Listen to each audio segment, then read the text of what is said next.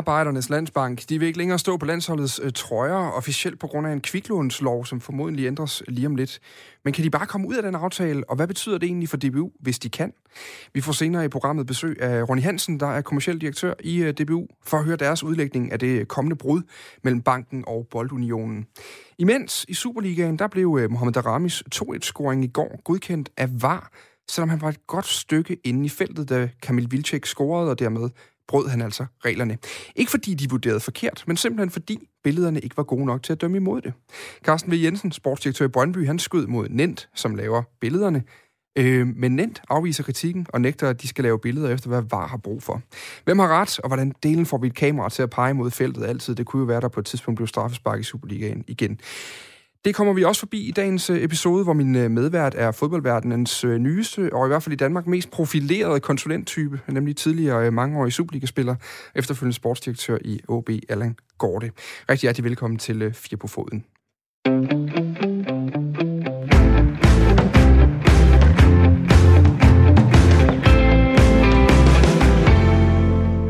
Goddag, Allan Gorte. Goddag, goddag. Du øh, har jo nu virksomheden øh, One Nexus øh, sammen med blandt andre øh, tidligere håndboldtræner Carsten Albrechtsen. Har man nok også en del, der øh, genkender, når man lige ser ansigtet på ham inde på jeres hjemmeside. Altså egentlig bare lige, vi skal lige med kommer vi til at snakke øh, om jeres eksistensberettigelse, og hvad I ser som jeres øh, kommersielle muligheder og alt muligt andet. Hvorfor I skal tjene penge. Men øh, først og fremmest til det allervigtigste for rigtig mange fodboldfans. Hvordan går det med trænerjagten i OB? Jamen, øh, vi er i en øh, tryg og god proces sammen med, sammen med OB, og øh, det går fuldstændig som det skal. Du lyder nærmest som øh, Thomas Frank i hans Brøndby-dage. Det tager jeg som noget positivt. Thomas Frank er en øh, dygtig mand. Hvad, men, okay, I skal hjælpe. I skulle lave det her øh, portfolie af forskellige muligheder, de kunne så kunne vælge mellem i OB. Hvor, hvor lang tid tager sådan noget? Altså, hvor langt er I i processen nu? Øh, jeg, det er nogle, hvad er det, en halvanden måneds tid siden, I gik i gang nu? Ja, men, men du har ret i, altså det er jo, øh, og du bruger ordet proces, og det er fuldstændig rigtigt. Altså det, det man, man, man køber, øh, den rådgivning, man køber, når man øh, hyrer øh, os ind, jamen det er faktisk en, øh, en, øh, en proces fra, fra A til Z. Du siger, at man bliver egentlig taget i hånden og blive understøttet, øh, så, således at man kan træffe den bedst mulige beslutning. Og det er alt fra, at man får afdækket øh, behovet, altså hvad er det virkelig for en profil, vi har brug for, hvad er det for... Altså vi tager afsæt i en strategi, vi tager afsæt i den øh, nuværende organisation og øh, kulturen, så godt man nu øh, kan få et billede af det, og så, og så prøve at definere sammen med vores kunder, hvad, hvad er det, man har behov for, og så ud fra den øh, øh, jobprofil og personprofil, som vi har defineret, jamen så går vi så i markedet og searcher øh, på at, at, at finde det match. Og, og det er jo netop, altså det er jo, det er jo en lang proces, og det er en krævende proces, øh, og det er derfor, der er behov for sådan nogen som os, fordi mens øh, man har tusind ting, som for eksempel sportsdirektør at lave undervejs, jamen så kan du ikke bruge alle de timer, som, som vi bruger, og, og det know-how, som vi har ved at have fokus på det her hver eneste dag, det, det gør altså, at, at vi kan øh, bidrage positivt til sådan en proces. Det, det, er, det er virkelig en omgang konsulentsprog, du er kommet ud i meget tidligt i det her nu, synes jeg, i, i det her. Altså, dybest set er det vel, at I samler en bunke navne, som de så kan vælge mellem til sidst, ikke? Jamen, det, det, det, jeg synes især, det med behovsafdækningen er meget mere. Mm. Altså, der, der, der, der sidder du egentlig sammen øhm, og bruger det meste af en, af en dag, hvor vi, hvor vi så kan udfordre dem, vi arbejder sammen med. Og det er lidt lettere at, udfordre nogen, når man ikke er en del af hverdagen, øh, og når man har nogle andre referencer til. Så hvis du skal analysere på dig selv, for eksempel, jamen, så, så tror jeg hurtigt, du kan blive enig med dig selv om, hvad der er godt og skidt. Men det er lidt lettere for mig at komme ud fra og så sige, okay, Øh, det der hår, du lige har fået efter sådan corona-klippen, er det ikke lidt for kort, eller, eller, eller, eller et eller andet. Og der, der, der, der har vi en fordel af, at vi, vi kommer simpelthen med, øh, vi er ikke en del af skoven, øhm, og øh, det gør, at man lidt lettere kan være kritisk også. Og det gode eksempel, det er jo netop det, det her med OB, der er blevet talt rigtig meget om, men det er jo en af de ting, man, øh, man udbyder. Det er også der, hvor der kom med det samme kom en masse debat omkring øh, One Nexus og brugen af konsulenter, for det er en relativt, øh, i hvert fald for offentligheden, ny ting i dansk fodbold i hvert fald. Jeg kan ikke lige umiddelbart tidligere huske, at klubber har øh, offentliggjort navne på de rekrutteringskonsulenter, de skal bruge for at finde en øh, ny klubtræner. Derfor dukkede der jo også noget debat op omkring det, at I skulle ind omkring OB. Altså blandt andet var der en, øh, jeg talte med Enrico Agustinus, som er en direktør i, øh, i øh, Odense Sport Event, som det, som det så fint hedder, øh, mm-hmm. som, som efter der havde været en episode i, øh, i det øh, TV3 Plus-program, der hedder Offside øh, dagen efter, hvor, hvor Bo Henriksen blandt andet havde sagt, at det var fuldstændig forrygt, at klubben ikke selv kunne øh, finde ud af at ansætte en træner, og det skulle man gøre, og, og det var dybest set mangel på, øh, på kompetencer i klubben. Hvordan den her start, I har fået, i, og den her øh, samtale, der var om, om One Nexus og det at være rekrutteringskonsulent, har den været fair, eller har den, øh, øh hvad siger den egentlig om fodboldbranchen og om, øh, om jer? Jamen, jeg synes, det har været super god, fordi at, altså, egentlig det, det særlige i det her tilfælde er jo, at, øh, at, at vores samarbejde er blevet offentligt kendt. Altså på den måde, at øh, vi har jo, jo vi har jo andre øh, klubber, som vi samarbejder med, men det er jo ikke offentligt kendt. Øh, så jeg synes, det har været en, en god debat og fortæller os, hvor, umoden øh, sportsmarkedet øh, egentlig er, fordi det her er jo øh, fuldstændig normalitet i, øh, i andre professionelle brancher, at når man skal rekruttere nøglemedarbejdere, jamen, så er det jo er det godt at, at bruge nogen, som, som kun har det fokus og har noget, nogle kompetencer og ekspertise på det her område. Og når man, øh, altså jeg tror, det, der hvor debatten jo opstår, det er jo fordi, at øh, der er nogen, der ikke rigtig ved, hvad det handler om. Øh, og så er der, er der jo også lavet nogle, sådan nogle lidt salgsbare øh, overskrifter, så øh, på et tidspunkt så jeg i hvert fald et, der stod, at øh, Allan Gorte skal hyre øh, OB's næste cheftræner. Og det er jo fuldstændig misvisende, fordi det vi gør, det er jo bare at øh, hjælpe øh, OB eller andre kunder med at have nogle stærkere informationer, med at lave alt det der forarbejde, som tager oceaner og tid, indhente referencer, øh, øh, sørge for, at de kriterier, man har opstillet, er de, er de rigtige. Og øh, i sidste ende, så er det jo kunden, og i det her tilfælde er det jo OB, som tager en beslutning. Det er jo ikke os.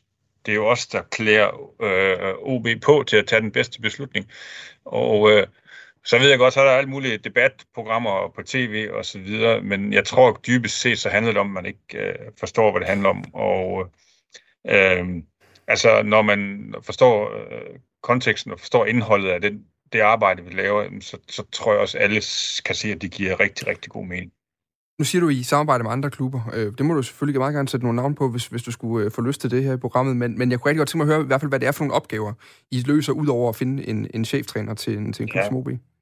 Jamen, allerførst, så er det vores overordnede fokus i One Nexus, det er, eller hvad kan man sige, vores hjerte, det banker for at skabe succes hos ledere og organisationer i, i sportsverdenen. Så det er ikke kun øh, fodbold. Det kan også være håndbold, for du siger, som Carsten Albrechtsen, han har arbejdet med det her øh, marked i, i en halv øh, levealder, og Morten Seba har arbejdet med, med fodboldtræner, øh, som også er, er min kollega igennem øh, 7-8 år. Øh, øh, øh, så, så egentlig det, som vi, vi, vi, vi prøver, det er at og dem vi hjælper, at de bliver en succes. Altså det, øh, og vi kan bare se for eksempel med rekruttering, at det er så dyrt at tage fejl. Øhm, altså du, noget, hvis du ansætter en forkert øh, sportsdirektør eller en forkert cheftræner, som overhovedet ikke matcher det, du gerne vil, jamen det, er, det har simpelthen så dyre konsekvenser. Når, når en Superliga-træner i Danmark sidder i snit halvandet år ad gangen, så er der også et tegn på, at vi er nok nødt til at gøre noget bedre. Øh, og jeg ved selv fra erfaring i OB, hvor svært det er at have fokus på en, en kommende rekruttering, øh, fordi du har så meget andet, du skal have fokus på. Og det er også svært at være proaktiv, altså at være ude i tide. Øh, og hvis du kommer lidt for sent i gang, så gør det jo også, at du har et meget lille felt at rekruttere fra, øh, og så kan det blive lidt tilfældigt. Så der kan vi hjælpe med rekruttering. Noget andet, det er, at vi vil også rigtig gerne hjælpe øh, nogle af de siddende sportsdirektører, cheftræner øh, med at øh, og blive en succes. Altså når du sidder i sådan nogle positioner, så er det bare en stilling, hvor du er meget alene. Altså mm. du er omgivet af mange dygtige mennesker, men du kan godt føle dig enormt alene og skulle træffe nogle vanskelige beslutninger. Og nogle gange, at man kan dele de overvejelser med nogen, som kender konteksten, og som man selv har siddet i det, kender dilemmaerne, jamen det gør bare en kæmpe forskel. Men, men vi kan så prøve at sige, altså det er jo rekruttering, først og fremmest det, vi kender jer for lige nu, I arbejder med, men det er så også øh, strategitænkning i en klub, I kan hjælpe med at finde ud af, hvor skal man bevæge sig hen, øh, hvordan skal man agere på forskellige ledelsesniveauer i klubben. Men, men det, det åbner jo et spørgsmål. Hvis der er brug for konsulenter, så er der jo brug for noget viden, man ikke nødvendigvis har ude i fodboldklubberne i forvejen. Mangler fodboldbranchen viden om fodbold? Øhm, nej, øh, altså, øh, øh, altså hvilke niveauer taler vi om? Altså det er et godt spørgsmål. Hvis vi snakker om altså hvis vi snakker om sportschef og sportsdirektør, administrerende direktør øh, niveau, så, så tænker jeg ikke, at der mangler viden, men, men det er et komplekst job øh, at sidde i de roller og du har øh, du er en, en hypereksponeret virksomhed, og du har en meget, meget lille organisation, og så har du øvrigt, øh, øh, hvad skal man sige, nogle, altså du har nogle krav for omverdenen om, at du altid er på. Det betyder, at du kan ikke være lige meget på alle steder. Så derfor er det, er det også vigtigt at sige, at erkende nogle gange, at vi har brug for noget hjælp. Men er det, er det fordi, de har for travlt, at I har jeres øh, eksistensberettigelse? Altså, er det simpelthen der, at øh, sportsdirektøren kan ikke nå alt det, en sportsdirektør nej, skal nå i 2020? Altså, nu har jeg også været kommunikationsrådgiver i Koloplast i sin tid. Koloplast er en af Danmarks største virksomheder, mest succesfulde virksomheder. Og når de skulle ansætte en nøglemedarbejder i, på et vist ledelsesniveau, så kunne de ikke drømme om ikke at bruge et rekrutteringsbureau, som har fingeren på pulsen. Fordi den der, det der overblik over det marked, selvom du kender mange i branchen, så, øh, så har du ikke et overblik over den samlede branche. Og det kræver, altså, og, altså, jeg tror, at det her vil hjælpe med at rekrutteringsprocessen fungerer meget bedre og er dybere, og at det ikke bare er de samme der, øh, kandidater, der går igen og igen. Men, men for så komme tilbage, nu nævnte du jo øh, meget behendigt, at du skulle øh, svare på, om der var nok viden. Så nævner du sportsdirektørniveau, trænerniveau, øh, administrerende direktørniveau, øh, vel i og for sig også kommersielt direktør, som der er i flere klubber efterhånden, eller i hvert fald en med kommersielt ansvar. Hvad med bestyrelserne? Altså, hvordan er øh, vidensniveauet der? Fordi der ser man jo ofte, når man kigger over øh, bestyrelsesmedlemmerne, folk, der ikke nødvendigvis har haft deres daglige gang i et, øh, mm. et klublokale. Jamen, øh, det er jo klart, at bestyrelsesrådgivning er også en af de ting, som øh, vi udbyder, og som vi, øh, som vi taler om. Og det, det, det kan både være udvikling af en, stra, hvad hedder det, en sportslig strategi, det kan også være sådan noget som altså succession planning, altså, altså sikre, at man har nogle øh, aftager på de forskellige positioner. Det kan være udvikling af organisationen, det kan være øh, onboarding og outplacement, altså det, det kan være alle de ting, og, og der er jo en udfordring i, i, i fodboldbranchen især, øh, men også i håndboldbranchen eller andre sportsbrancher, at, at det er en umoden industri. Den har kun været, hvad skal man sige, der har været professionel fodbold øh, i Danmark i i ikke, ikke så lang tid, altså det er omkring 25 år, hvor det har været, øh, været hvad skal man sige, ageret professionelt, og det er jo en udfordring, at de fleste klubber i dag, der sidder der ikke ret mange fodboldkyndige øh, folk. Øh, så, og, og det er, øh, altså det vil være utænkeligt i øh, det traditionelle erhvervsliv, at der ikke sad nogen med et godt branchekendskab i bestyrelserne i de forskellige øh, virksomheder. Det er der ikke nogen tvivl om. Og der er der et hul, og der kan vi se, at der kan vi helt klart være med til også at, at hjælpe med det, og, og med at finde de rigtige kandidater til bestyrelserne. Da du sad som sportsdirektør i OB, det gjorde du i en årrække, øh, udpeget af, jeg vil sige, Mester OB øh, selv, øh, var i hvert fald historien dengang, Lønge Jacobsen, da han, øh, da han trådte ud af, af rollen.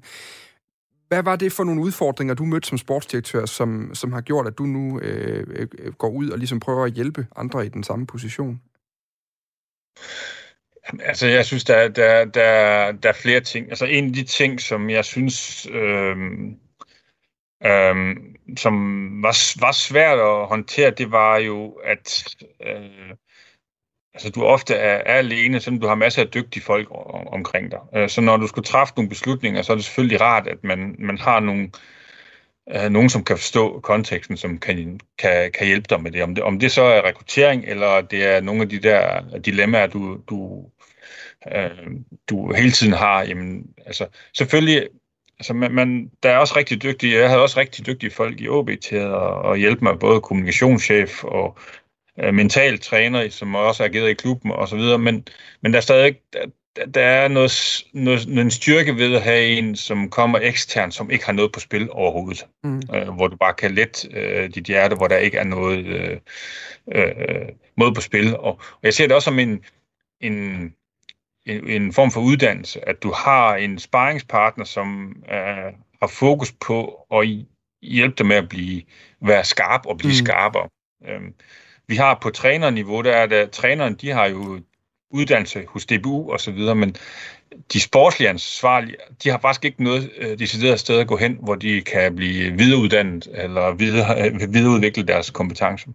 Men hvordan, hvordan oplevede du øh, støtten fra OB dengang? Altså, øh, fordi du sad jo også med en bestyrelse. Hvor bestyrelsen? Ja, men Lønge Jacobsen han indgik jo i bestyrelsen så på det tidspunkt, og, og må, må jo sige sig være en, være en stærk strateg i, i dansk fodbold generelt, også over de sidste, sidste 20-25 år, hvor der har været kontraktfodbold. Men hvordan, hvordan var det at skulle agere i den position?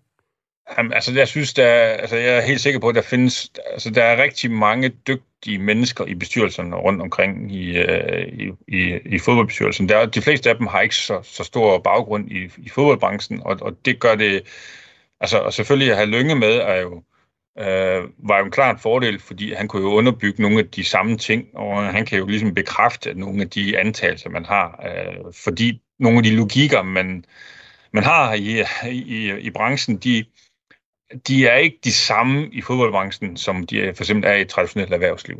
Øh, og derfor øh, så er det jo, jeg tror, det er vigtigt at have en som minimum en, som, som forstår den kontekst. Hvad er det for nogle, hvad er det for nogle ting, han skal, skal forstå, altså, øh, som er anderledes ved fodbold end alle mulige andre steder? Jeg tror, at alle brancher har deres særheder, men en af dem er jo den uh, medieeksponering, der er.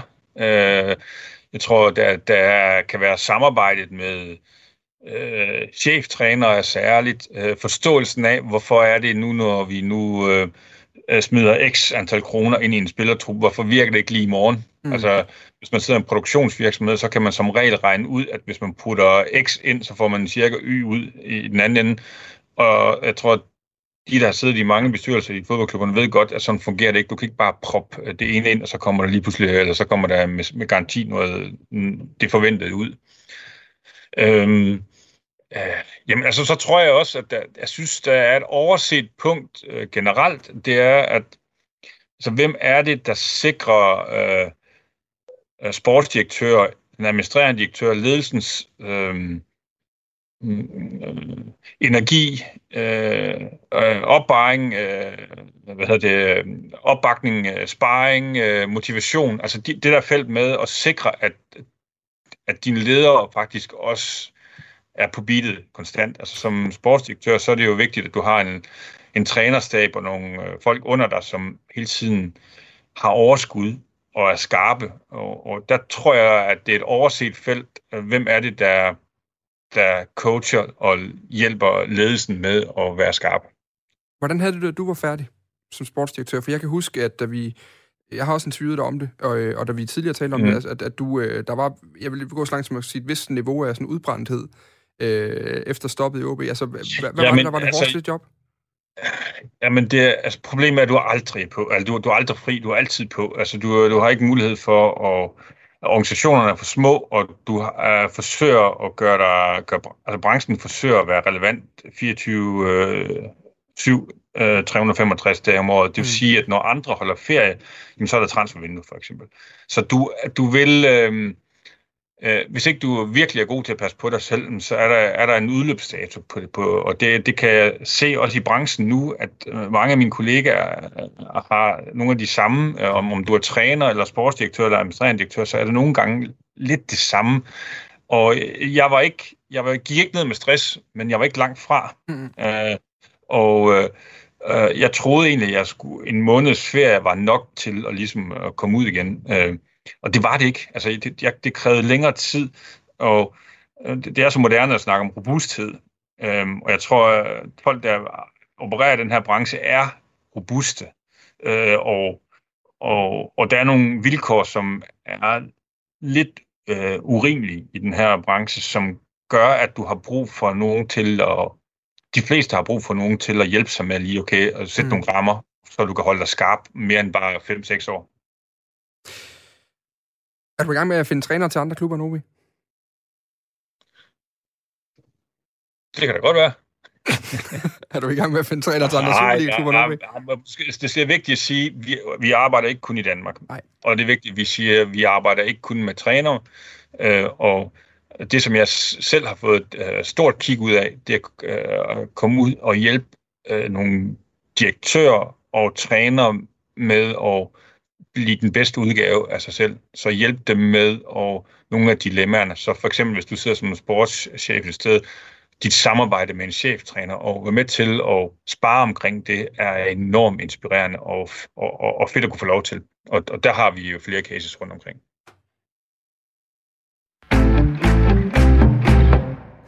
Nu har vi snakket øh, om øh, One Nexus, om øh, Alan Gordes egen øh, gebet og geschæft øh, lige i øjeblikket. Øh, jeg lover, at vi nok skal vende tilbage og få stillet flere spørgsmål, og må ikke øh, vi også kan fortælle på et tidspunkt, hvem der er den nye OB-træner. Det satser vi på. Men øh, inden da skal vi lige rette blikket mod en, øh, en situation, der var i gårsdagens øh, derby mellem øh, FC København og øh, Brøndby IF.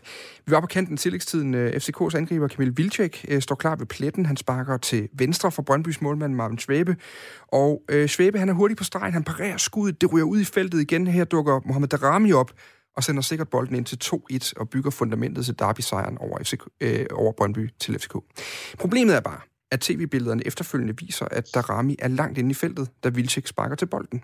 Dermed skal straffesparket som minimum sparkes om, men Brøndby-fansene kom til at vente forgæves på var. Selvom man på billederne kunne se, at Darami var langt fremme øh, ved sparket og var inde i feltet, så har man ikke billedet, hvor man tydeligt kan se både feltets linje og Daramis bevægelse. Dermed intet bevis, dermed ingen dom, og dermed intet eller dermed ingen omkendelse, omstødelse af målet. Efterfølgende så har Brøndby sportsdirektør Carsten V. Jensen anklaget Nent Group, der deler deres billeder med varvognen, for potentielt at koste Brøndby mesterskabet, fordi man ikke har lavet ordentlige billeder. Vi øh, har spurgt Carsten V. Jensen, om han har lyst til at medvirke i et interview i dag, for at uddybe den kritik. Det afviste han, da han mener, han har sagt det, der skulle siges.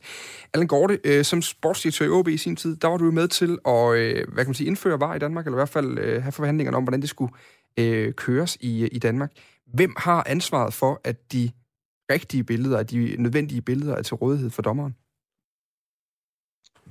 Øh, jamen altså jeg, altså, jeg er ret sikker på, at øh, altså, aftalen i sin tid, da, da man ligesom gik i gang med det, var ret innovativ. Altså, at, at, at vi i Danmark øh, tidligt ønskede at være med til at gøre det her spil så retfærdigt som muligt og, og give de bedste mulige vilkår for dommerne. Øh, det, det, det, var jo, det var jo innovativt. Og hvad hedder det? Øh, og der bruger man, jeg, vil, jeg tror, øh, jeg er, ikke, jeg er ikke 100% sikker på tallet, men det er jo tæt på at være tocifret millionbeløb ekstra om året, man bruger på det her, hvilket er ikke bare småpenge. Øhm, og, og, og det man jo sagde, det var jo, at man skulle det var altså vigtigt at hjælpe dommerne med at have de samme billeder, som vi havde, når vi sad hjemme i sofaen og så det, og nogle gange kunne, kunne åbenlyst se, at den dommer tog fejl, men han havde kun en splitsekund at vurdere det på, og så sidder man derhjemme og kan se i, i slow, at ej, men han er jo fuldstændig gal på den dommer. Og det var vigtigt, var jo, at man sagde, nej, vi skal i hvert fald give dommeren de samme vilkår, som når man sidder derhjemme i sofaen. Mm. Øh, så derfor fik man jo adgang til de samme øh, kameraer og de samme billeder, som man har, øh, i, øh, når man sidder derhjemme. Og det, og det betyder jo så også, at, øh, at, at dommerne får ikke bedre billeder eller dårlige billeder. De får de samme billeder, og det synes jeg faktisk er mega positivt. Men, og det betyder jo også godt, at nogle gange, at man ikke har nok billeder. Ja, præcis, fordi i en situation som den her, hvor, hvor alle jo godt kan se, at han er inde i feltet, der er mm. en eller anden form for, øh, for, for, for øh, forseelse, der skal dømmes for, men man kan ikke gøre det, fordi man ikke har det rigtige billede. Altså, mm. et straffespark er jo ikke, det er jo hverken øh, øh, innovativt eller nyt, eller for den sags skyld sjældent i en Superliga-kamp, at man ser et straffespark. Hvad er problemet? Hvordan kan det opstå, at man ikke har et billede af det? Altså, øh, bør der ikke være det? Jamen, man har jo kun x antal øh, kameraer på, på stadion, og jeg er helt sikker på, at øh, Nent Group og Kim Mikkelsen og company, de laver den bedste tv-produktion for at lave det, det, det bedst muligt for, for, for publikum. Og så rammer man alt, og så nogle gange rammer man, man ikke alt. Altså, jeg synes, altså, den her snak omkring uh, det her mål, jeg kan virkelig godt forstå, at CV er, er pisse uh, træt af det, fordi det havde vi alle sammen været, når man kan se, hvor afgørende det var. Men jeg vil også sige, at den her diskussion havde vi jo ikke haft for, ja, uh, inden, inden var, der har vi, altså der har de jo, jeg synes, jeg synes det her, det er sådan bagatelgrænsen. Altså, hvor man, hvor man, hvor man siger, altså, det, det, det er kun fordi var er kommet, at man begynder at snakke om, hvem øh, løber for tidligt i feltet eller ej.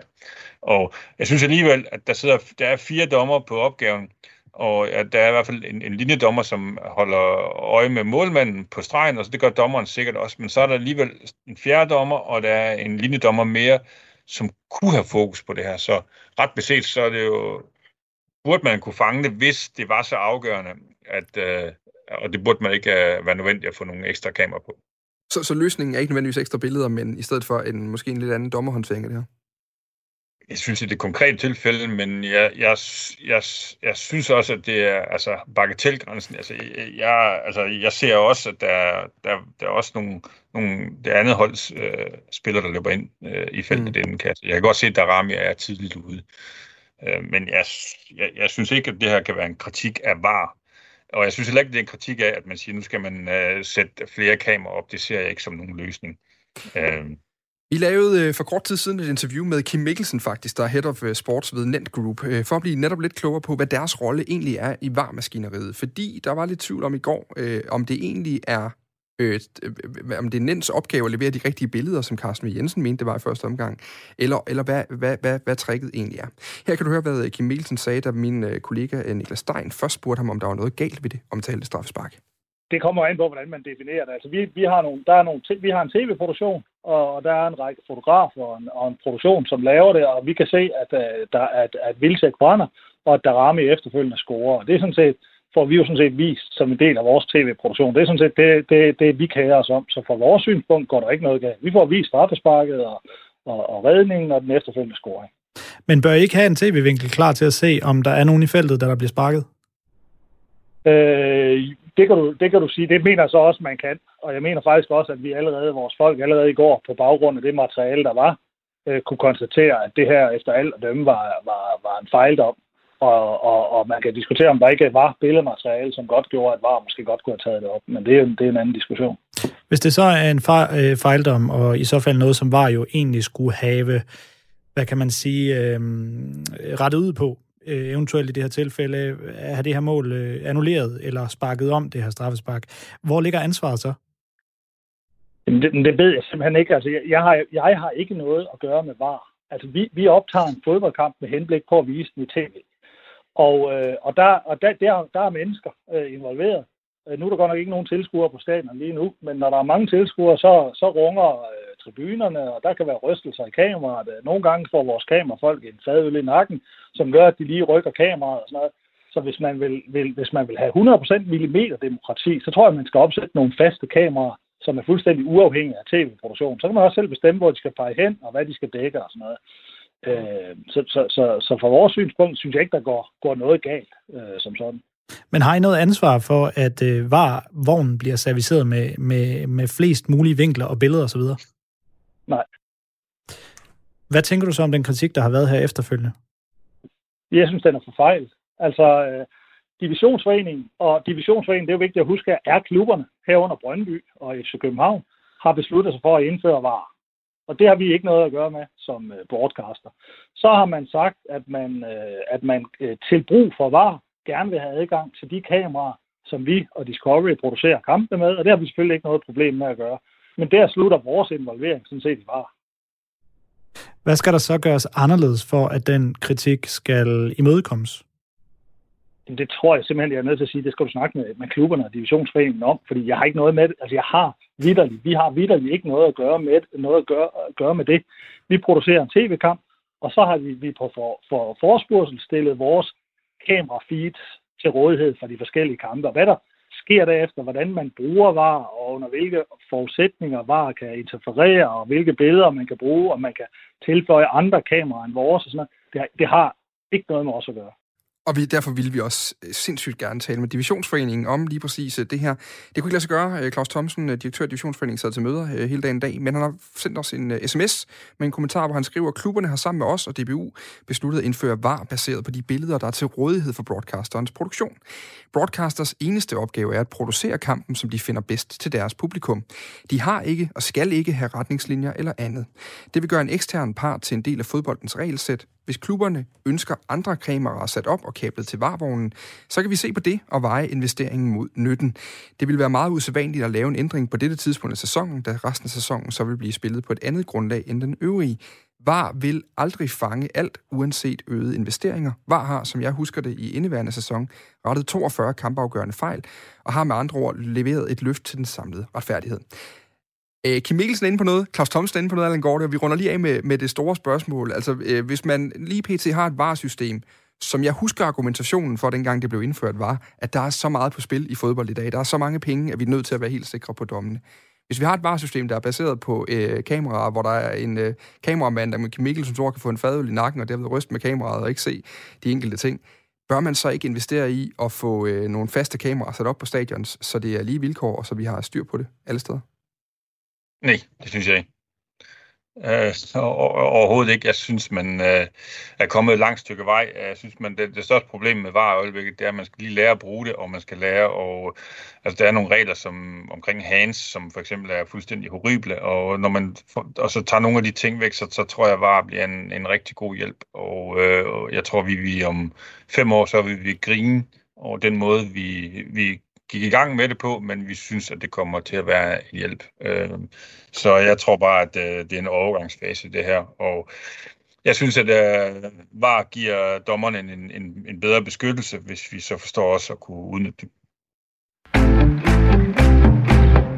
Så meget forvaret øh, den her gang. Lur mig, om det ikke er en af de historier, der nok skal vende tilbage her i Fire på Foden på et eller andet tidspunkt. Det plejer den øh, gerne. Når øh, de danske spillere de løber på banen fremover, altså det er de danske landsholdsspillere, så bliver det formodentlig i hvert fald uden Arbejdernes Landsbank på trøjen. Banken, der er blandt andet ejet og finansieret af flere fagforeninger, bekræftede i øh, fredags, at man gerne vil trække sig fra sit sponsorat af herrelandsholdet. Efter sine, fordi man er øh, træt af at være fanget i den limbo, som den meget kritiserede kviklånslovgivning har skabt. Sagen er med korte ord, at kviklånslovgivningen gør det forbudt for banker og spilleselskaber at øh, reklamere side om side. Da Danske Spil også er trøjesponsor i DBU, så vil det ramme Arbejdernes Landsbank. Politikerne, de arbejder lige nu for at ændre loven, og det ser ud til, selvfølgelig med alle forbehold, der skal tages for politik og den slags, til at blive stemt igennem inden for et par uger. Men det kommer altså for sent, hvis man skal tro Arbejdernes Landsbanks officielle udtalelser. Nu har de længe nok ikke fået noget for deres sponsorat. Velkommen til dig, Ronny Hansen. Kan du høre mig? Jeg kan godt høre dig. Kan du høre mig? Ja, det kan jeg nu. Perfekt. Det er noget med lige at få trykket på den rigtige knap, så fungerer det her radio bedst. Du er øh, kommersiel direktør i DBU, øh, altså ansvarlig for, for aftaler med øh, partnere som Arbejdernes Landsbank. Først og fremmest, lad os bare lige få en, en, en sådan en, en jeg kan sige, ground zero for, når vi skal snakke her nu. Altså, har Arbejdernes Landsbank opsagt deres aftale med DBU på nuværende tidspunkt? Altså, når man ikke, når man ikke arbejder med jura, så kan man godt få en fornemmelse af, at, at jura er sort-hvidt. Øh, men det er det ikke. Jura, det er lige så gråt som alt muligt andet. Og, øh, og det samme gælder egentlig vores, øh, vores partnerskaber. Det er ikke sådan, at man enten siger øh, ja eller, eller nej i, i medierne. Det er noget, vi, vi taler om. Vi har jo øh, læst det samme, som I har læst, og, og talt rigtig meget om Arbejdernes Landsbank, og derfor kan vi også forstå, at de gerne vil ud. Og det tager vi jo først og fremmest i efterretning nu, og så går vi i gang med at, at tale med Arbejdernes Landsbank om det, som vi blandt andet har gjort i dag. Og det er ikke øh, noget, vi sådan øh, forhandler igennem, øh, igennem medierne, selvom det er lagt op til det lige nu. Men, men når Gert Jonasen fra Arbejdernes Landsbank, direktør, der så er ude at sige, vi vil gerne opsige aftalen, altså, så kan det ikke bare lige lade sig gøre at opsige den sådan? Men altså, helt grundlæggende, så er der jo ikke nogen, der skal være partner med os, som ikke har lyst til at være partner med os. Det, det må være sådan helt øh, grundlæggende, og det, øh, og det er det, vi snakker med Arbejdernes Landsbank om nu. Øhm, det, er, det er svært at sige det. Det er svært at sige det meget nærmere. Altså, det er ikke noget, der sker fra den ene dag til den anden, og derfor tror jeg, at hverken vi eller, eller særlig mange i Arbejdernes Landsbank var interesseret i, at vi fik det ud i medierne, inden vi havde fået snakket det godt igennem. Men det er jo det, der er tilfældet nu, og derfor så står jeg sådan og lyder som en, der ikke vil, vil tale om det. Det er sådan set ikke tilfældet, men jeg vil tale med Arbejdernes Landbank om det helt i bund først. Okay, øhm, godt. Så lad os lige prøve at, at tale om, fordi jeg, jeg kan så forstå på det, at på nuværende tidspunkt, der er Arbejdernes Landsbank stadig partner i DBU, ja. eller sponsor ja. i DBU. Ja. Godt. Øhm, i, I den artikel, Weekendavisen har lavet, den udkom i uh, torsdag aften, der fremgår det fra anonyme kilder i Arbejdernes Landsbank, at deres opsigelse, den handler om uh, VM-slåen i Katar, uh, mere end den handler om kviklånslovgivningen, som de jo har fortalt ud af til. Uh, det er oplysninger, vi også her på Radio 4 har fået uh, fra, fra kilder i Arbejdernes Landsbank. Hvordan har I forholdt jer til den, uh, den historie? Jamen, vi forholder os til, hvad Arbejdernes Landsbank siger til os. Øh, længere er den jo ikke. De siger til os, at det handler om, øh, om kviklån. Og, og ved du hvad, det kan jeg faktisk øh, langt hen ad vejen godt forstå. Jeg kan jo ikke øh, nogensinde forstå, at man ikke vil være partner med, med DBU. Vi har et rigtig godt øh, samarbejde med vores partner, det har vi også haft med AL Bank. Men jeg kan godt forstå, at AL Bank er ved at være lidt træt af, at de ikke har fået leveret alt det, de skulle her de sidste år, på grund af den øh, lov, du øh, ret tydeligt har refereret til. Men, men øh, hvis, altså, der bliver jo så spekuleret i, at kviklånslovgivningen bliver brugt som grund, fordi den kan bruges til at komme ud af kontrakten. Det er jo sådan noget, der foregår på... Ja, vi talte sammen tidligere, hvor du øh, brugte en, en fremragende term omkring øh, det, der foregår på sociale medier lige nu. Øh, kaldte det Twitter-jura. Øh, altså, at, at, at øh, kviklånslovgivningen kan være den her smut, det her smuthul ud af aftalen med DBU. Hvis vi tager den, altså er det korrekt, at det er muligt for AL Bank at komme ud af sponsoraftalen med DBU på grund af situationen omkring kviklånslovgivningen, mens det ikke ville kunne lade sig gøre, hvis det var Katar, der var årsagen? Igen, altså det er vildt ikke, fordi jeg vil være sådan en uh, talking head, der står ikke og vil svare på ting, men, men for det første er der ikke tale om én aftale, og det er lidt mere komplekst end, end som så. Jeg tror udgangspunktet, og den måde, jeg kan svare på det på på en ordentlig måde, det er at sige, at, at hvis man gerne vil ud af en aftale med DBU, så skal man sådan set uh, bare snakke med os. Og så finder vi, en, uh, finder vi en løsning på det. Der er mange, der gerne vil være partner med, med os, med et historisk godt uh, landshold. Og derfor så finder vi ud af det, og det, man kan sige, det er det, vi er startet på nu, og vi har nogle gode snakke med, med Albank. Jeg sidder og drukket kaffe der en hel morgen, og det, det finder vi ud af, simpelthen. Det er ikke så sort-hvidt, øh, som, som Twitter jo vil gøre det til, vil jeg sige. Og det er ikke helt, øh, det er ikke helt så nemt. Så det kræver nogle snakke, og det, det er jo selvfølgelig lidt ærgerligt, at det startede i, i weekendavisen. Nu prøver vi at, at starte over kaffe i stedet for. Men, men, men jeg, jeg, lige, jeg, nu prøver jeg til at bare lige spørge. Jamen, det er helt okay. Det er ja, lidt kompliceret at spørge ja, ja, men, men det er jo sådan egentlig simpelt nok. Altså, er, er der lige så god mulighed for at komme ud af sit øh, partnerskab med DBU, hvis det er Katar, der er grunden, som hvis det var kviklånslovgivningen? Jamen det er, igen, altså jeg kan ikke svare på det, fordi jura er ikke uh, sort-hvidt, så det vil komme an på en forhandling i begge tilfælde. Altså i begge tilfælde er det noget med at sætte sig ned og sige, hvad, hvad siger kontrakten, men endnu vigtigere, hvad siger I, og, og, mm. og hvad siger vi? Øh, det er jo det, der skal ske at the end of the day, ligesom alle mulige andre former for kontrakter. Det er jo meget, meget få kontrakter, der bliver afklaret, hverken i retten eller jura. Altså det handler jo om, vil man ikke arbejde sammen længere, så finder man en god måde at, at komme ud af det på. Men, men, men det er ikke sådan, at man ikke ville kunne komme ud af sin aftale, hvis det var Katar, man var rigtig træt af, og man var ked af at skulle stå på trøjerne til den tid? Altså, jeg, det, det er svært for mig at sige, for jeg har ikke oplevet det, det, det, den situation, du, refererer til, eller, eller som du skitserer. Men jeg har svært ved at forestille mig, at nogen af os i DBU ville tvinge nogen til at være på trøjerne, hvis de ikke havde lyst. Det har jeg meget svært ved at forestille mig. Det er bare, grund til, at det er interessant, det er jo, øh, hvis man vurderer, at man godt kan komme ud, øh, fordi man øh, er træt af et kommende VM i eksempelvis Katar øh, hvad, hvad der så sker, hvis andre sponsorer henvender sig med et ønske at komme ud af deres aftale. Altså, kan det lade sig gøre, og, og er det noget, I, I, I har samtaler om lige i øjeblikket? Altså, vi har ikke samtaler med nogen om at komme ud. Vores partner er meget klar. De, de er partner med dansk fodbold. De er ikke partner med en slutrunde i Katar. Det, det er sådan set meget klart. Vi, vi taler med vores partner løbende. Det er jo noget, der, der er interessant, når jeg læser det her. Det lyder jo nogle gange som om, at, at det at være partner, øh, det er sådan noget med, at man sidder i hver sit glastårn og sender advokat-e-mails til hinanden. Det er jo ikke tilfældet. Vi taler sammen løbende flere gange om ugen med vores, øh, med vores store partner og planlægger alle mulige sjove ting op til, til EM.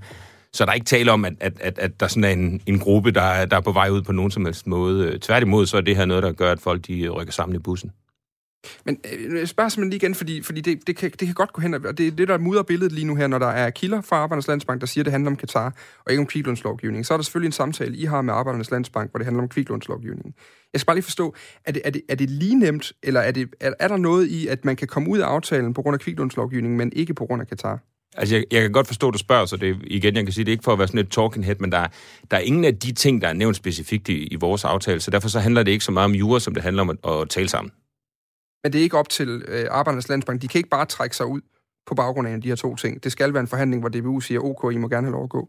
Jeg tror ikke, der findes nogen store kontrakter, og det her det er jo en af de allerstørste, der findes i sporten, men, men generelt, der findes der meget få kontrakter, hvor den ene bare kan, kan tage sit tøj og gå. Der findes omvendt heller ikke særlig mange partnerskaber, kan man sige, hvor nogen prøver at fastholde nogen i noget, de ikke har lyst til. Så nu er det jo udspillet sig lidt i medierne, fordi der er blevet, der er blevet sagt nogle ting, Øh, det, altså jeg stoler på Arbejdernes Landsbank, jeg har haft et rigtig godt samarbejde med, med dem, og når de siger, hvordan det forholder sig sådan, altså på papiret, eller hvordan man, man kan man sige, til citat, så stoler jeg sådan set på dem, og så længe jeg ikke ved, hvem, øh, hvem, hvem den usitterede, eller ved, hvad hedder det, hvem den unavngivende kilde er, så har jeg, altså, jeg har bare svært ved at reagere på det. Det, det, det håber jeg, man kan forstå. Men, men så lad os øh, holde fast. Altså, nu blandt andet Gert Jonasen, han sagde øh, blandt andet, han er topchef i Arbejdernes Landsbank, han sagde, det handler om kviklånsloven og ikke om Katar. Vi har ikke fået det ud af sponsoratet, vi havde håbet på, fordi vi ikke måtte øh, stå på trøjerne sammen med Odset. Derfor trækker vi os øh, nu, har han sagt til, til flere medier ja. over de sidste par dage.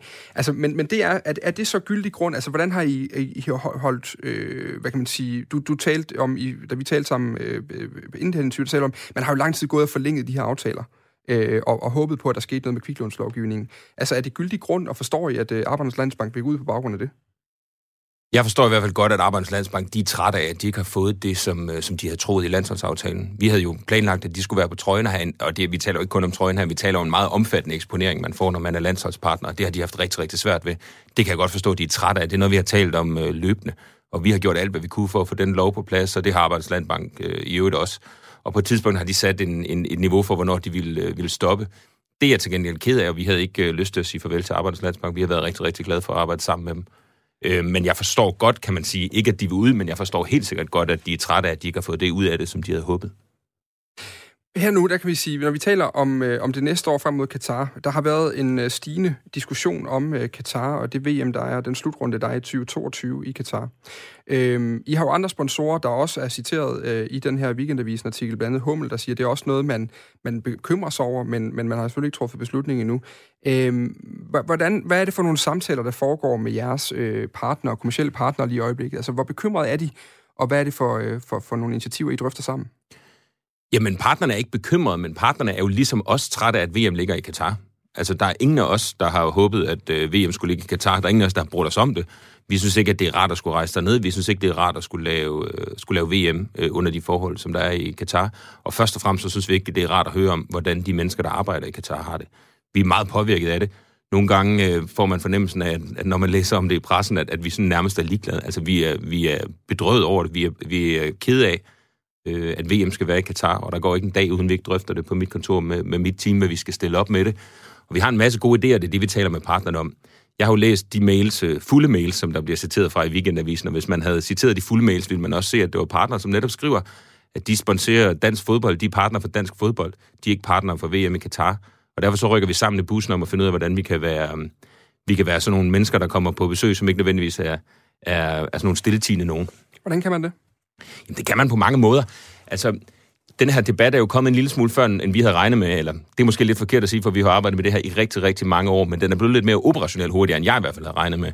Jeg har hovedet meget, meget langt ned i EM, og det har alle mine folk også. Det er jo den største sportsbegivenhed nogensinde, og den er om et par måneder, så, så altså, selvom vi har rigtig mange idéer, så er de ikke øh, alle sammen klar til at blive offentliggjort endnu. Og derfor så går der altså noget, noget tid med det her. Når vi er på den anden side af EM, så tror jeg, man vil se nogle, øh, nogle flere øh, let forståelige bud på, hvordan man kan løse det sammen med vores partner.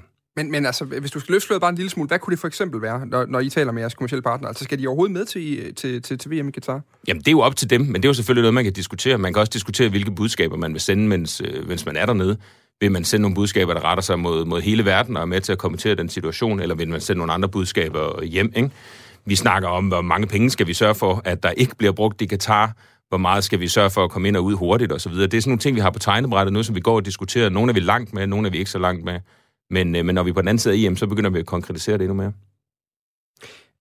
Hvis I laver andre ting, hvis I sender budskaber dernede, vi har, vi har tit talt om Katar som, øh, som et, et land, der i den grad bruger det her VM til at, øh, at markedsføre sig selv, øh, og sportswashe, som det hedder med en, øh, med en anden term.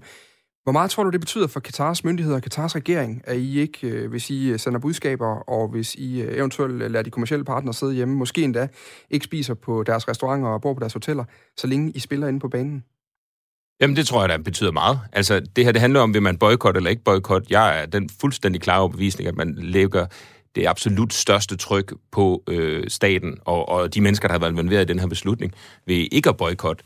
Altså, hvis man skal spørge Katar, hvad vi helst have, Danmark øh, kommer ikke, og med al den irriterende debat og sådan noget, de har nu, de kommer ikke. Vi sender i stedet for et eller andet øh, land, der ligger længere ud på, på skalaen af folk, der accepterer den slags. Eller vi have Danmark dernede, der, der er ret fornuftigt, der er presset fra alle kanter til virkelig at gøre en forskel, når de er der, eller virkelig prøve at råbe op. Så er jeg sikker på, at myndighederne i Katar vil sige, øh, send os, send os en af de andre. Og så længe de tænker sådan, og så længe vi kan sørge for, at de kommer til at tænke sådan, så, så synes jeg absolut, at vi skal tage afsted. Til sidst, du var inde på det her med debatten, øh, at, at I har hovedet langt ned i EM lige nu, og at den, øh, den derfor øh, er kommet lidt før, end I havde regnet med. Hvornår havde, hvornår havde I regnet med, at debatten dukkede op? ja, det er da et godt spørgsmål. Ej, jeg synes, jeg synes faktisk, den her... Nu har jeg jo ikke været i DBU så lang tid, et halvt års tid, og, og jeg synes ikke, at den her sådan, øh, fremstilling af, at man på en eller anden måde ikke skulle have gjort noget, eller noget... Altså, jeg må sige, jeg synes virkelig ikke, den er rimeligt. DBU har været meget engageret i den her debat meget længe, meget længere end noget andet fodboldforbund. Og derfor så er det jo ikke en debat, der kommer bag på nogen i DBU. Man har gjort, og det er jo før min tid, det kan jeg ikke tage for, man har gjort et meget langt stykke arbejde for at sikre, at man var klædt på til det her. Og jeg tør godt sige, at DBU er et af de fodboldforbund i verden, der har undersøgt det her bedst, og som er bedst klædt på. Når jeg taler om, at, at noget, af debatten, eller noget af debatten er kommet lidt hurtigere, end jeg havde regnet med, så er det absolut kun på min egen plade, og ikke på, på DBU's. Og det er simpelthen, når du efterspørger de her ting, som hvad skal man lave med partnerne og lignende, der er vi lige nu ekstremt fokuseret på EM. Vi bruger rigtig meget tid på at aftale med vores partner, hvad der skal ske til EM, og rulle tingene ud. Og det er alene på den del, jeg siger, det kommer lidt bag på mig personligt. Jeg havde øh, håbet på, at vi kunne lave en virkelig, virkelig god palette af ting sammen med vores partner, som vi kunne præsentere umiddelbart øh, efter EM. Og der er vi jo blevet taget, eller jeg er blevet taget lidt på sengen, og det må jeg jo, øh, det må jeg tage til efterretning. Vær lidt skarpere næste gang.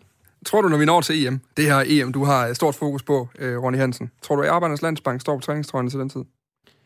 Det ved jeg simpelthen ikke. Altså, det er da selvfølgelig noget, vi har, vi har drøftet, men det er jo en drøftelse, som jeg skal have med Albank og, og prøve at holde ud af, af medierne, indtil vi har fået en, en, en god aftale. Jeg håber det da. Så det er ikke, det er ikke afsluttet endnu, det her? Jamen altså, igen, det, det, jeg, jeg, jeg forstår godt, du spørger, og jeg hader at lyde som sådan et uh, talking head, det må jeg sige, det er virkelig ikke, øh, det er virkelig ikke rart at stå og padle i, i radioen i sådan et, uh, et program, hvor man endelig får lov til at snakke, vel? Men altså, jeg ved det simpelthen ikke nu, og, og de snakke, vi har, de foregår i godt humør, og de foregår uh, en til en og, og to til to over, over kaffe, og ikke hverken i radioen eller i avisen. Udmærket. Jamen, øh, det vil vi op til lytterne. Vi har i hvert fald fået øh, sat på plads, at du ikke har lyst til at lyde som en talking head, Ronny Hansen. Det var godt. Jeg håber, det lykkes næste gang. Ja. Kommerciel direktør i DBU, der altså her var med til at sætte nogle ord på øh, den nuværende situation med Arbejdernes Landsbank, øh, som altså er, at de øh, som udgangspunkt, som, som det lyder herfra, stadig er partner i DBU, og så, øh, så, vil man, øh, så må man tage forhandlingerne derefter. Tak fordi du kunne være med, Ronny Hansen. Selv tak. Og øh, hvis lytterne derude sidder og tænker, gud, hvor blev øh, Allan Gorte dog af i det her program, så er grund til, at øh, du ikke har været enormt involveret i det her interview, det er jo også, at du sidder i landsholdskomiteen, Allan Gorte, derfor så øh, træffer vi en beslutning om på forhånd, at øh, det var måske ikke lige øh, her, vi, øh, vi skulle blande tingene sammen. Øh, hvad tænker du i det hele taget om hele den her diskussion? Nu vælger jeg jo så alligevel lige at spørge dig, bare lige for at få dit besøg med. Er der øh, to cents, der er interessant at hente om det her, og, og, og det her øh, moras på en eller anden måde, der opstår lige nu? Jeg synes, det, altså, der har jo altid været et eller andet øh, saying omkring, at øh, sport og politik ikke skal blandes sammen. Og jeg tror, at den, den illusion omkring, at sport og politik ikke hænger sammen, øh, den, den er i hvert fald øh, brast, kan man sige nu. Altså, øh, altså øh, og, og øh, jeg tror altid, at sport har været et uh, propagandamiddel. Det kan man også se med de olympiske lege igennem ufattelig mange århundreder nærmest, altså der, hvor, hvor det har været en del af det, at øh, man uh, regimer har brugt sporten til, og jeg tror helt tilbage til, til romertiden har det været noget, man har brugt aktivt for at gøre sig selv lidt mere lækker. Uh, jeg kan godt uh, forstå, at det er så sindssygt uh, kompleks en problemstilling uh, for DBU, og jeg kan kun uh, bakke Ronny op i hans udsagn omkring, at DBU har arbejdet med det her rigtig længe, øh, fordi det er også så længe, at jeg øh, har været inde omkring de positioner, som jeg har været, så har det i hvert fald været et tema. Vi er ved at nå øh, vejs ende for din deltagelse i programmet i dag. Vi kan jo lige runde af med, hvornår er der en ny OB-træner? det ved jeg ikke. Og det ved jeg faktisk godt. Jeg tror, jeg ved, hvornår det er, men det får du simpelthen ikke at vide. Senest 2032. Ja. Allan Gorte, tidligere sportsdirektør i øh, nuværende uh, fodboldkonsulent i uh, egen virksomhed One Nexus, og uh, det var også uh, tidligere uh, fodboldspiller selvfølgelig i både uh, Vejle og OB. Tusind tak, fordi du var med i dag. Tak, fordi du var med. Og så kan vi alle sammen lige hoppe en tur øh, sammen i fodboldarkivet her til sidst i første time, fordi øh, nu skal vi øh, snakke lidt om, øh, om det her med fællesliga. Fordi en fællesliga for de allerbedste klubhold på tværs af landegrænser, og med ambitioner om flere folk på stadion, større medieinteresse og flere penge. Det lyder som en øh, våd drøm for de mægtigste klubdirektører i Europa i 2021, men det kunne lige så godt være en samtale stjålet fra starten af 1900-tallets Centraleuropa. Dagens stykke fodboldarkivet skal gøre os klogere på den første store klubturnering i Europa, nemlig Mitropa Cup.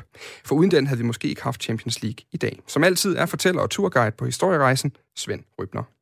Metropacop er, er, er forgængeren for det, vi kender som moderne fodbold i dag. De turneringer blandt øh, internationale øh, klubhold, øh, som vi kender i dag, som vi, vi tænder fjernsynet for hver uge for, for at kigge på. Og ligesom i, med meget andet i livet, så blev, er fodbolden ikke blevet opfundet i går. Det, som vi, vi tror er, er nyt Champions League, begyndte i 1992, øh, og, og før det var der ingenting, så var alt i sort-hvidt, hvis der var i fjernsynet. Metropa var den første klubturnering, der betød noget. Der havde været klubturneringer før, men det havde været meget begrænset, og det havde været mellem et meget begrænset antal hold. I Storbritannien, der spillede man øh, allerede i, i slutningen af 1800-tallet om VM for, for klubhold. Det var, det vil sige, en, en årlig kamp mellem den engelske og den skotske øh, mester i fodbold. Altså, Mitropa-pokalen blev spillet fra 1927, og så i princippet helt frem til 1992. storhedsperioden, det var fra 1927 frem til 2. verdenskrig. Inden Mitropa-pokalen, øh, øh, der havde man en, en, en, øh, en udfordringspokal, eller Challenge Cup, øh, mellem hold fra Wien og Budapest. Og den blev spillet i helt frem til 1911, altså kort før Første verdenskrig. Men det var kun få hold, og kun fra de to byer, at øh, der blev spillet. Altså, når, når man i dag snakker om øh, østrisk fodbold, så bliver folk trætte i øjnene og kigger væk, og, og ved ikke, hvad de skal sige. Ungarsk fodbold, alle de fleste har nok hørt om Puskas, men det er meget længe siden. Men ungarsk og østrisk fodbold, centraleuropæisk fodbold, tjekkisk fodbold, det var omkring Første Verdenskrig, ved afslutningen af, af, af Første Verdenskrig og, og opløsningen af det østrig-ungarske imperium. Der var, der var Centraleuropa, øh, kontinentets fodboldvåge. Det var her, den absolut bedste fodbold blev spillet. Det var sådan, at det, det gode, øh, det berømte østriske landshold, uh, Wunderteam, uh, spillede i 1934, der var så et par år længere fremme, der spillede de en landskamp på Highbury mod England. De tabte 4-3, men alle i er enige om, at Østrig var, var klart det bedste hold den dag. Så det er det niveau, vi, vi snakker om. Altså Metropokoppen blev til efter et møde i, i, i Venedig i 1927. Det var indkaldt af Hugo Meisel, som er en anden central figur i, øh, i centraleuropæisk fodbold. Hugo Meisel var, havde selv spillet, men, øh, men var mest kendt som træner, øh, og han er en af de mest visionære skikkelser i, i europæisk fodboldhistorie i det hele taget. Han så behovet for en turnering. Det hører også med til historien, at, at tilskuerinteressen var så voldsom øh, i, i Budapest, i Prag og i, i Wien, øh, at de, de bedste kampe, øh, de, øh, de samlede jo 50.000 tilskuere. Og det gjorde, at der var et grundlag for at indføre professionel fodbold. I 1924 blev Østrig det første land på kontinentet, der indførte professionel fodbold. Og kort efter fulgte øh, Tjekoslovakiet og Ungarn efter. Og for, øh, de mange tilskuere øh, var en forudsætning for, at man kunne betale spillerne for at, at spille. Men det er dyrt at have et fodboldhold, så der var et behov for at skabe nogle flere indsigter. Og på den baggrund, der så Meisel, Hugo Meisel, at, at der var et behov for en, øh, en turnering, hvor man samlede de bedste hold, og det vil sige, at man også fik flest mulige tilskuere til de her kampe. De hold, som prægede turneringen, det var jo hold hovedsageligt fra, altså det, fra, fra Prag, fra, fra Budapest og fra Wien. Altså det, det hold som Sparta, Prag, Slavia Prag, Rapid Wien, Austria Wien, Udpest fra, fra, altså det er en forstad til Budapest, Ferencvaros kender folk også. Øh, I begyndelsen inviterede man øh, Jugoslavien med, der var et hold fra Hajduk, øh, eller fra Split, og der var et hold fra Beograd med. Men deres niveau var ikke højt nok, så, så ret hurtigt så inviterede man i stedet for de italienske hold. Det er så hold som Bologna og Juventus, så hold som, også, som vi kender i dag, Milan, Inter, der, der deltog i turneringen. Det er ikke på nogen måde nyt, at man tænker, hvad hedder det, kommercielt inden for fodbolden. Altså, Mitropa-pokalen øh, blev undfanget for at tjene penge. Det var de bedste hold, der skulle mødes. På den måde adskiller Metropa Cup sig på ingen måde fra Champions League.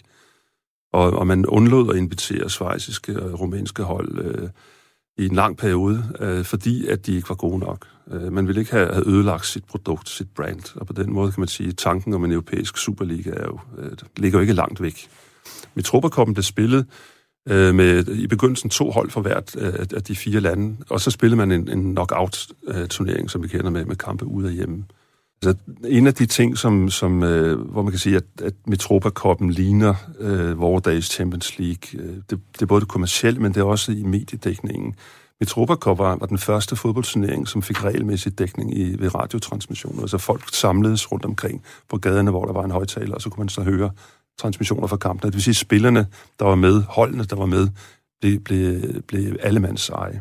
Samtidig var der også en, en, øh, en meget stærk interesse fra pressen i, at, øh, at der blev spillet fodbold, for de skulle have noget at skrive om. Der var et, øh, nogle meget store sportsaviser, uh, Illustretes uh, Sportblad i, i Wien, Nemzeti Sport i Budapest og Gazzetta dello Sport i Milano, som levede af at sælge aviser hver dag, og de skulle have noget at skrive om. Så der var en, en stærk interesse i, at at øh, løfte turneringen og, og de spillere, som deltog. Efter 2. verdenskrig, der bliver Europa delt i øst og vest. Altså jerntæppet går ned gennem Europa, og det deler Centraleuropa i to. Det vil sige, at Østrig kommer til at ligge på den vestlige side, Tjekoslovakiet, Ungarn og, og, og i nogen grad Jugoslavien kom til at ligge på den østlige side. Og det vil sige, så var det pludselig ikke, der var ikke en naturlig øh, udveksling mellem de to øh, dele af Centraleuropa.